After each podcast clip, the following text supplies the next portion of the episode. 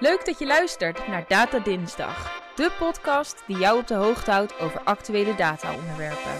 Denk aan datamanagement, data governance, data stewardship en natuurlijk datakwaliteit. Vanuit het ITDS Café in Amsterdam praten we je bij over de laatste trends en ontwikkelingen. Door mini-colleges, interviews en verhalen van ervaringsdeskundigen uit de financiële dienstverlening. No nonsense en pragmatisch. Lekker voor op jouw dinsdag. Ja, daar zijn we. Derde editie, Data Dinsdag. Weer live vanuit het ITDS Café in Amsterdam. Nou, we gaan het vandaag hebben over datakwaliteit en dashboards. Twee onderwerpen die in de financiële dienstverlening zeker bekend zijn. Want hoe krijg je eigenlijk uh, controle over je datakwaliteit en hoe zet je dashboards uh, hier optimaal voor in? Nou, dat uh, ga ik niet beantwoorden. Dat uh, doen mijn gasten. Dus uh, welkom. Snel door naar jullie. Nou, Robin, laten we bij jou beginnen. Ik heb een introductie voor je geschreven. Mm -hmm. Ik pak hem er even bij. Ben je er klaar voor? Yes, kom maar op. Hij is geboren in Nieuwegein op 12 februari 1990. Na zijn studie startte hij ruim zes jaar geleden alweer met het traineeship bij ITDS en hij is nooit meer weggegaan. Bij ITDS focuste hij zich bij financials op data-analyse en CDD. Hij kan inparkeren als de beste. Tijdens zijn studie was hij namelijk bezorger bij de Albert Heijn. Deze skills kunnen je nog wel eens van pas komen, want op je bucketlist heb je staan, zoals we hebben gehoord, dat je nog eens met een camper vanaf Nederland naar Zuidoost-Azië wil rijden. Of eigenlijk stiekem op de motor, maar dan moet je je rijbewijs halen en dat zien de vrouwen in je leven niet zo zitten. Welkom, Robin. Dankjewel.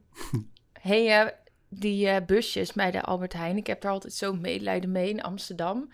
Heb je wel eens echt uh, helemaal knel gestaan in een straatje of viel het mee? Ja, ook in Amsterdam, op de grachten. Dat je zo'n rij achter je hebt staan van auto's die beginnen te toeteren. Dus dat heb ik ook meegemaakt. En ja, dat is wat minder, maar ja, dat hoort erbij. Hoort erbij. Hey, en uh, daarnaast hebben we hier natuurlijk Eline. Die kennen jullie inmiddels van de eerdere afleveringen. Uh, welkom, heb je er weer zin in? Ja, dankjewel. Ik ben er helemaal klaar voor. Altijd gezellig om er te zijn, dus... Uh, en genoeg om over te praten. Top. Nou, laten we beginnen. Eline, jij wilde het vandaag met Robin hebben over datakwaliteit en dashboards. Waarom? Nou, ik zie eigenlijk bij mijn opdrachten bij klanten heel veel uh, gebeuren rondom datakwaliteit en dashboards. Uh, het is best wel een complex uh, onderwerp, het is heel groot.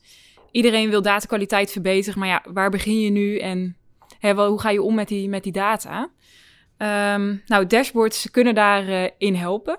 Um, maar volgens mij ja, moet er nog het een en het ander gebeuren bij de financiële dienstverlener om dat helemaal goed te laten verlopen.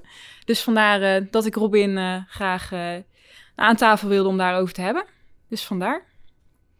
Oké. Okay. Hey, en Robin, herken jij dat beeld een beetje wat Eline schetst? Ja, het feit dat hè, onze klanten, dus verzekeraars en banken, daar nog mee worstelen met, uh, met eigenlijk gebrekkige datakwaliteit, dat herken ik zeker. Hè, de, ik heb ook meermaals gezien dat e-mails naar verkeerde personen worden gestuurd, hè, of de, omdat uh, het e-mailadres verkeerd is. Uh, maar ook vanuit hè, veel CDD-projecten waar je ziet dat ze bijvoorbeeld adressen niet hebben van klanten. Nou, dat heb je toch nodig om je het risico van een klant te bepalen. Dus daar zie je ook al dat het misgaat. Dus ik herken het zeker.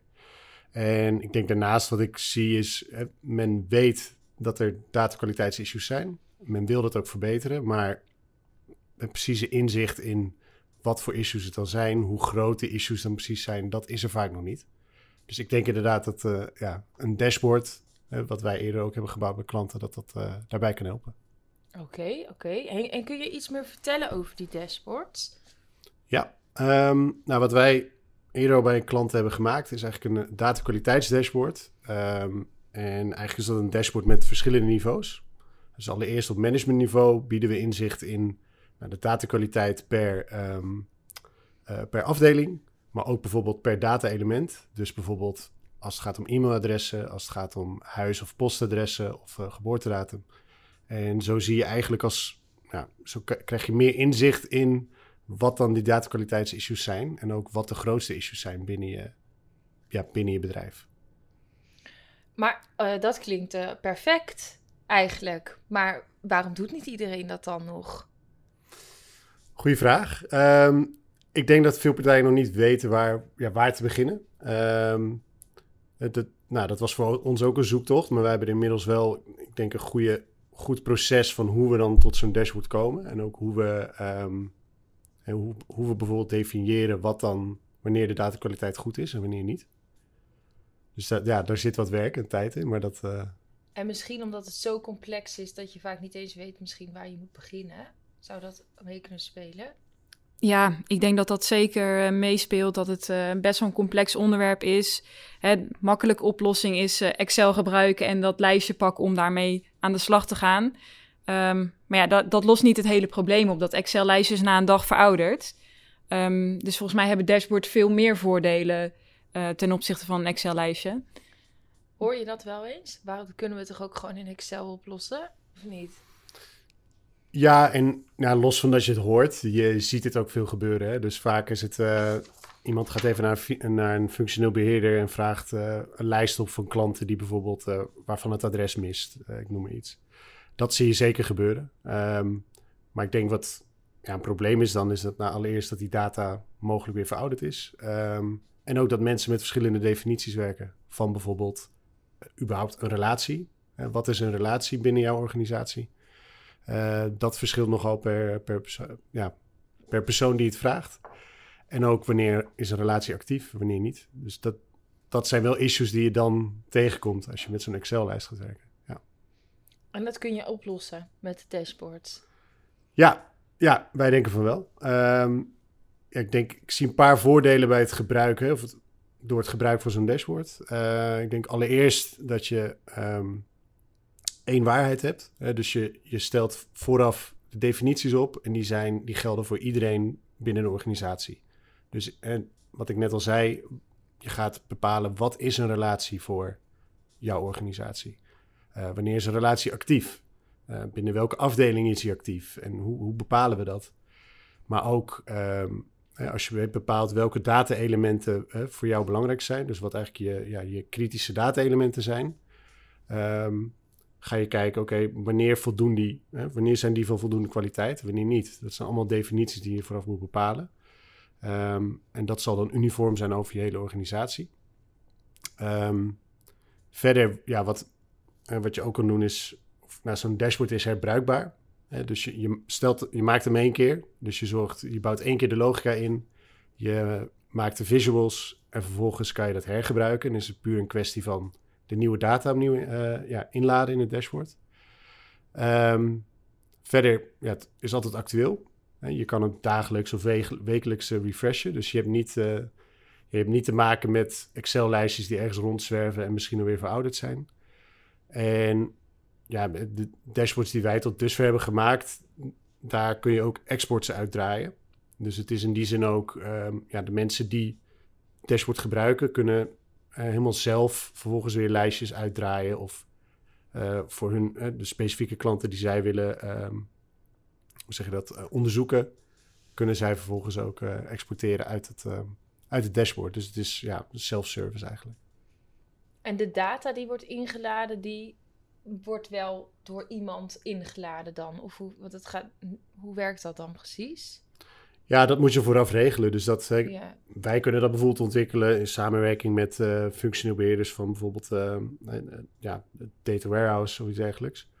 Um, dus wij zorgen met hen dat wij die verbinding hebben, dat de data vanuit het data warehouse bijvoorbeeld naar het dashboard wordt geladen. En we kunnen, ja, kunnen volgens ook zorgen dat dat wekelijks of dagelijks gebeurt op vaste tijdstippen. Klinkt goed. Hey, zie jij dit in de praktijk, Eline? Al iets van toepassingen van? Um, ik zie wel wat toepassingen. Hè. Heel veel um, nou, klanten zijn echt mee bezig en proberen ook echt nou, van die lijstjes in Excel af te stappen en echt meer met dashboard aan de slag te gaan. Ik denk wat heel belangrijk is om het succesvol en nou, dat mensen ermee aan de slag blijven, is dat je het echt centraal stelt.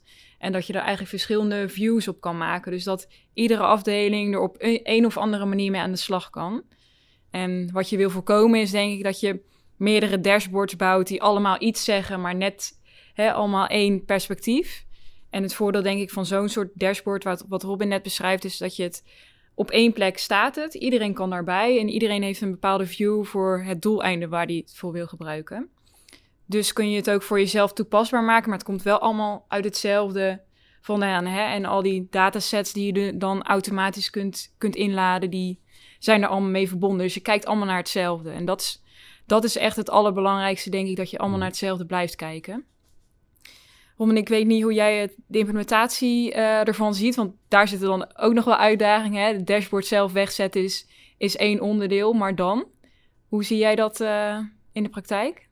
Wat ik hier eigenlijk bedoel mee te zeggen is van hè, uh, dashboards kun je, kun je wegzetten, kun je bouwen. Mm -hmm. maar volgens, er komt nog meer, veel meer bij kijken als je een dashboard echt in de organisatie gaat implementeren. Dus um, wat ik vanuit data management veel zie, is dat je dan echt ook daarop governance moet inrichten. Dus dat je echt zegt, nou, deze data stewards zijn hiervoor verantwoordelijk en die stemmen af met die en die afdeling. Um, eigenlijk in die zin van, hè, er komt nog heel veel meer bij kijken dan alleen het dashboard aan zich. Ja, um, ja ik denk, een paar dingen. Ik denk, allereerst is het belangrijk dat je ook uh, targets gaat stellen. Hè, dus het inzichtelijk maken is één ding, maar wat is je uiteindelijk het doel? Dus bijvoorbeeld, um, nou, als we het hebben over e-mailadressen, als jij zegt van nou, we willen 90% van de relaties, daar willen we een valide e-mailadres van bijvoorbeeld. Nou, dat is een target die je zou kunnen stellen. Um, en dat zal je voor elk van je data-elementen die, jij, uh, ja, die je wilt in kunnen zien, moet je, gaan, uh, moet je dat opgestellen. En vervolgens moet je inderdaad, nou, dat kan per afdeling of misschien per data-element, een verantwoordelijke aanstellen met wie je ook dit soort gesprekken aangaat. En met wie je gaat kijken van oké, okay, uh, hoe kunnen we ervoor zorgen dat we op die 90% scoren bijvoorbeeld, uh, dat we die behalen. Dus het is uiteindelijk heel belangrijk dat je ja, per afdeling of per data-element een aanspreekpunt hebt. En iemand die uh, verantwoordelijk is voor, ja, voor het verbeteren van die kwaliteit. Ja, dus eigenlijk, eigenlijk hoor ik je twee dingen zeggen. Um, enerzijds moet je een strategie hebben, een doel waar je naartoe wil. Dus mm -hmm. hè, daar dan thresholds op instellen waar je naartoe gaat. En anderzijds, als je zo'n doel dan hebt, moet je ook de mensen erop zetten die daar mee aan de slag gaan, die daar dan verantwoordelijk voor zijn. Ja. Hè, want anders heb je het dashboard wel, maar. Ja, en die, die binnen hun afdeling ook uh, mee aan de slag gaan. Dus ja. die zorgen dat ook daadwerkelijk bijvoorbeeld die e-mailadressen achterhaald worden. Of uh, issues met huis- of postadres, dat die uh, opgelost worden. Ja. En zien jullie dat ook gebeuren? Of zien jullie dat ook nog wel als een uitdaging? Um, ik denk dat er nog wel het een en ander ingeregeld moet worden. Ik denk dat we heel goed op weg zijn met elkaar om daar naartoe te komen. Je ziet dat er heel veel uh, data stewards nu op dit moment uh, werken en dat die hier ook een deel verantwoordelijkheid voor krijgen. Um, maar ik denk voornamelijk dat centrale stukje, waar wat zo belangrijk is, daar, daar moet nog wel net iets meer aandacht voor komen. En ik hoop dat dat de komende tijd gewoon meer gaat komen. En dat er een duidelijke strategie en visie van bovenaf uh, de organisatie op komt. Ik, ik weet niet hoe jij het ziet. Uh.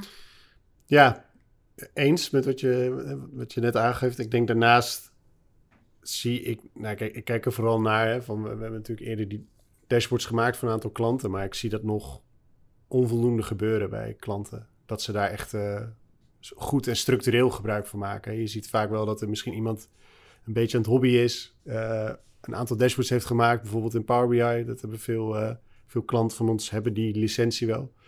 Um, maar dat er nog onvoldoende structureel wordt gebruikt binnen een organisatie.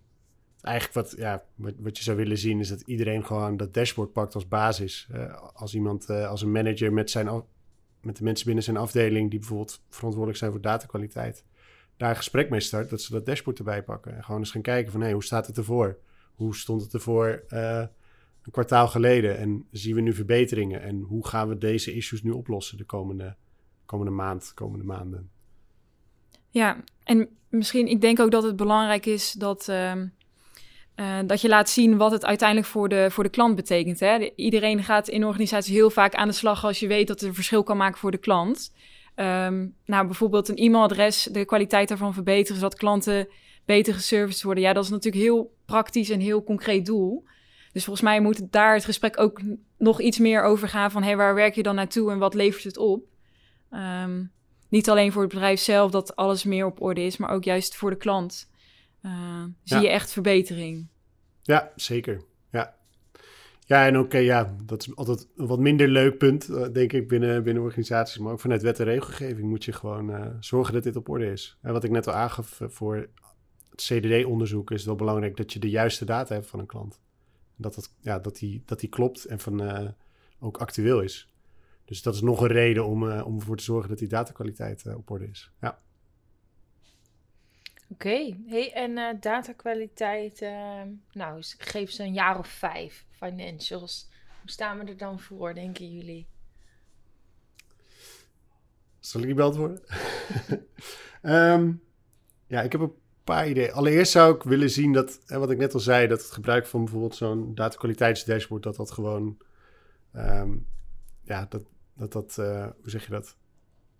De norm is binnen, ja. binnen organisaties. Um, denk ook als je, wat ik nu ook zie bij binnen organisaties, als je vraagt hoeveel klanten hebben jullie eigenlijk? Of hoeveel actieve klanten hebben jullie?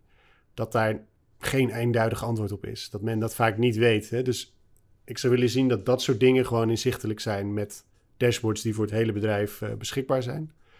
Uh, daarnaast denk ik, uh, specifiek voor datakwaliteit, um, lijkt, ja, zou ik graag willen zien dat bijvoorbeeld datakwaliteit ook wordt gevalideerd ten opzichte van externe bronnen. Ik denk voor zakelijke relaties heb je natuurlijk het, services die het KVK bijvoorbeeld aanbiedt. Die zijn heel bruikbaar. Maar dit, die bestaan inmiddels ook voor data van particulieren. Dus het lijkt me mooi om, om te zien dat dat ook, uh, dat, dat de data die je hebt van een klant als organisatie, dat je die ook regelmatig valideert tegen andere bronnen.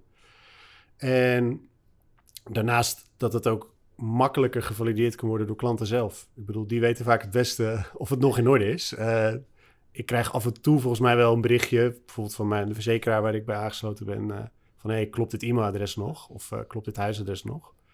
Um, maar ik zie nog niet binnen verzekeraars dat zij ook kunnen zien per data-element wanneer dat voor het laatst is gevalideerd door een klant. Hè? Dus als je dat ook inzichtelijk hebt, kan je dat veel actiever gaan uitvragen bij klanten. Ja. Vraag is of elke klant erop zit te wachten, maar persoonlijk ja, vind ik dat geen probleem. Nee. En jij, Eline?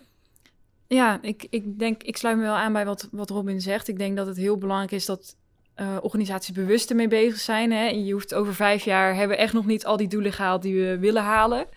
Uh, maar ik denk dat het wel belangrijk is dat die doelen er zijn en dat daar stapje voor stapje naartoe gewerkt wordt. En dat iedereen zich heel bewust is in elke afdeling binnen de organisatie, waar dan ook, dat alles wat je doet effect heeft op data.